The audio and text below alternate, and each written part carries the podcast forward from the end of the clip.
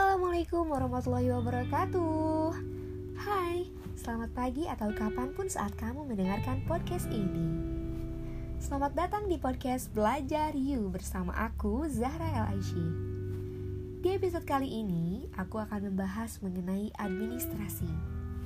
Sebelum aku menjelaskan beberapa hal mengenai administrasi Tentunya kamu pasti tahu dong ya apa itu administrasi Hmm, jadi ada beberapa persepsi dari pengertian administrasi. Secara umum, administrasi ini adalah usaha dan kegiatan yang berkenaan dengan penyelenggaraan kebijaksanaan untuk mencapai tujuan. Tetapi jika diartikan secara sempit, administrasi ini sebagai kegiatan catat mencatat, surat menyurat, agenda dan sebagainya yang bersifat teknis ketatausahaan. Kalau diartikan secara lebih luas, administrasi adalah sebagai seluruh proses kerjasama antara dua orang atau lebih dalam mencapai tujuan dengan memanfaatkan sarana prasarana tertentu. Selanjutnya, ada juga tujuan dari administrasi. Tujuan dari administrasi ini adalah yang pertama menyusun program usaha, di mana setiap perusahaan itu pasti memerlukan informasi maupun data yang digunakan sebagai acuan untuk menyusun program kerjanya.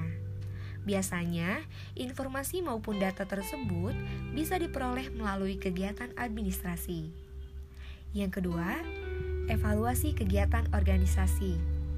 Dengan adanya sistem administrasi yang baik, dapat membantu sebuah organisasi atau perusahaan untuk melihat beragam informasi dan data yang nantinya itu dari informasi tersebut organisasi bisa melakukan evaluasi terhadap semua kegiatan yang telah dilakukan selama ini. Selanjutnya, memantau kegiatan administrasi. Administrasi adalah kegiatan yang meliputi banyak hal sehingga dapat melaksanakannya dikerjakan secara sistematis dan teratur. Dengan penerapan administrasi yang baik, menjadikan sebuah perusahaan atau organisasi bisa memantau apa, bagaimana, di mana, kapan, dan mengapa suatu kegiatan dilakukan. Yang terakhir, memastikan keamanan bagi kegiatan usaha. Setiap perusahaan tersebut akan membutuhkan administrasi yang bagus guna untuk mem untuk memantau segala aktivitas baik dari dalam ataupun dari luar. Hmm, yang selanjutnya, ada beberapa fungsi-fungsi dari administrasi. Yang pertama, planning. Yang kedua, organizing. Yang ketiga, coordinating. Yang keempat, reporting. Dan yang terakhir, budgeting. Eh, ketinggalan. Satu lagi, staffing. Planning adalah aktivitas administrasi yang dimulai dari pengumpulan data. Organizing adalah penyusunan dalam upaya membangun antar anggota agar mencapai tujuan.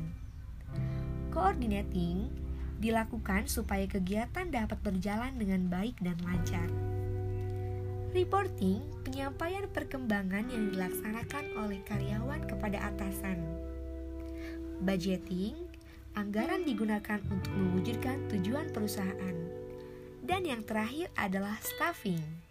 Staffing adalah sumber daya manusia di perusahaan yang meliputi perekrutan tenaga ahli. Selanjutnya, ada juga ciri-ciri dari administrasi, yaitu adanya kelompok manusia yang terdiri dari dua orang atau lebih. Yang kedua, memiliki tujuan. Yang ketiga, adanya kerjasama. Yang keempat, terdapat proses atau usaha dan yang terakhir, terdapat bimbingan kepemimpinan dan pengawasan. Nah, yang selanjutnya ini adalah jenis-jenis administrasi. Kan kalau yang sebelumnya itu kita menjelaskan mengenai administrasi secara umum. Kalau untuk sekarang, kita akan membahas mengenai administrasi yang lebih luas. Ada tujuh jenis-jenis administrasi. Yang pertama itu ada administrasi perkantoran atau publik, yang kedua administrasi negara, yang ketiga administrasi niaga, Yang keempat, administrasi pembangunan. Yang kelima, administrasi kependudukan. Yang keenam, administrasi keuangan. Dan yang terakhir adalah administrasi pendidikan. Di sini aku akan menjelaskan satu persatu ya mengenai jenis-jenis administrasi ini. Kalau untuk administrasi perkantoran atau administrasi publik, yaitu jenis administrasi dalam bentuk kegiatan perencanaan keuangan, penagihan, pencatatan, personalia, dan distribusi barang. Nah, umumnya pekerja yang bekerja di bidang ini disebut sebagai administrator, atau admin. Yang kedua ini administrasi negara. Administrasi negara ini adalah jenis administrasi yang berkaitan dengan ilmu sosial yang mempelajari tiga elemen penting kehidupan bernegara yang meliputi lembaga legislatif, yudikatif, dan eksekutif. Jenis administrasi ini meliputi hal-hal yang berkaitan dengan publik seperti kebijakan publik, tujuan negara, dan etika yang mengatur penyelenggara negara. Yang ketiga adalah administrasi niaga. Administrasi niaga ini adalah salah satu jenis administrasi yang bertujuan untuk mencapai tujuan-tujuan yang bersifat keniagaan atau keuntungan bisnis. Umumnya, administrasi niaga ini dijalankan oleh setiap manajer dalam suatu organisasi niaga atau bisnis yang bisa mendatangkan profit ekonomi. Yang keempat, administrasi pembangunan. Administrasi ini merupakan jenis administrasi yang meliputi proses pengendalian usaha oleh negara atau pemerintah untuk merealisasikan pertumbuhan yang direncanakan. Tujuannya adalah menuju ke arah suatu keadaan yang dianggap lebih baik dan kemajuan dalam berbagai aspek kehidupan bangsa. Yang kelima, administrasi kependudukan. Administrasi, administrasi ini merupakan jenis administrasi berupa rangkaian kegiatan penataan dan penertiban dalam penertiban dokumen dan data dokumen melalui pendaftaran penduduk, pencatatan sipil, pengelolaan informasi penduduk. Yang nantinya data ini akan digunakan untuk pelayanan publik dan pembangunan di bidang sektor yang lain. Yang ke yang ke berapa ya? Yang ke 6 Administrasi keuangan.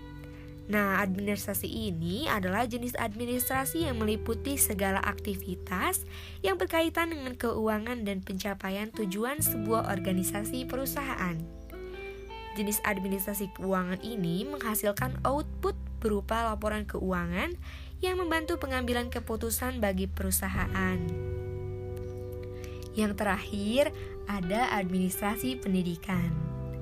Administrasi pendidikan yaitu jenis administrasi berupa proses keseluruhan dan kegiatan bersama yang harus dilakukan oleh semua pihak terkait dengan tugas-tugas pendidikan. Jenis administrasi ini mencakup kegiatan-kegiatan yang luas yang meliputi perencanaan pengorganisasian, pengarahan, dan pengawasan di bidang pendidikan. Mungkin dicukupkan kali ya penjelasan dari administrasi. Itu tadi sedikit penjelasan dari aku mengenai podcast kali ini. Semoga bermanfaat untuk kita semua dan jangan lupa share agar ilmu yang kita dapat bisa tersebar di mana-mana. Terima kasih. Wassalamualaikum warahmatullahi wabarakatuh. Bye.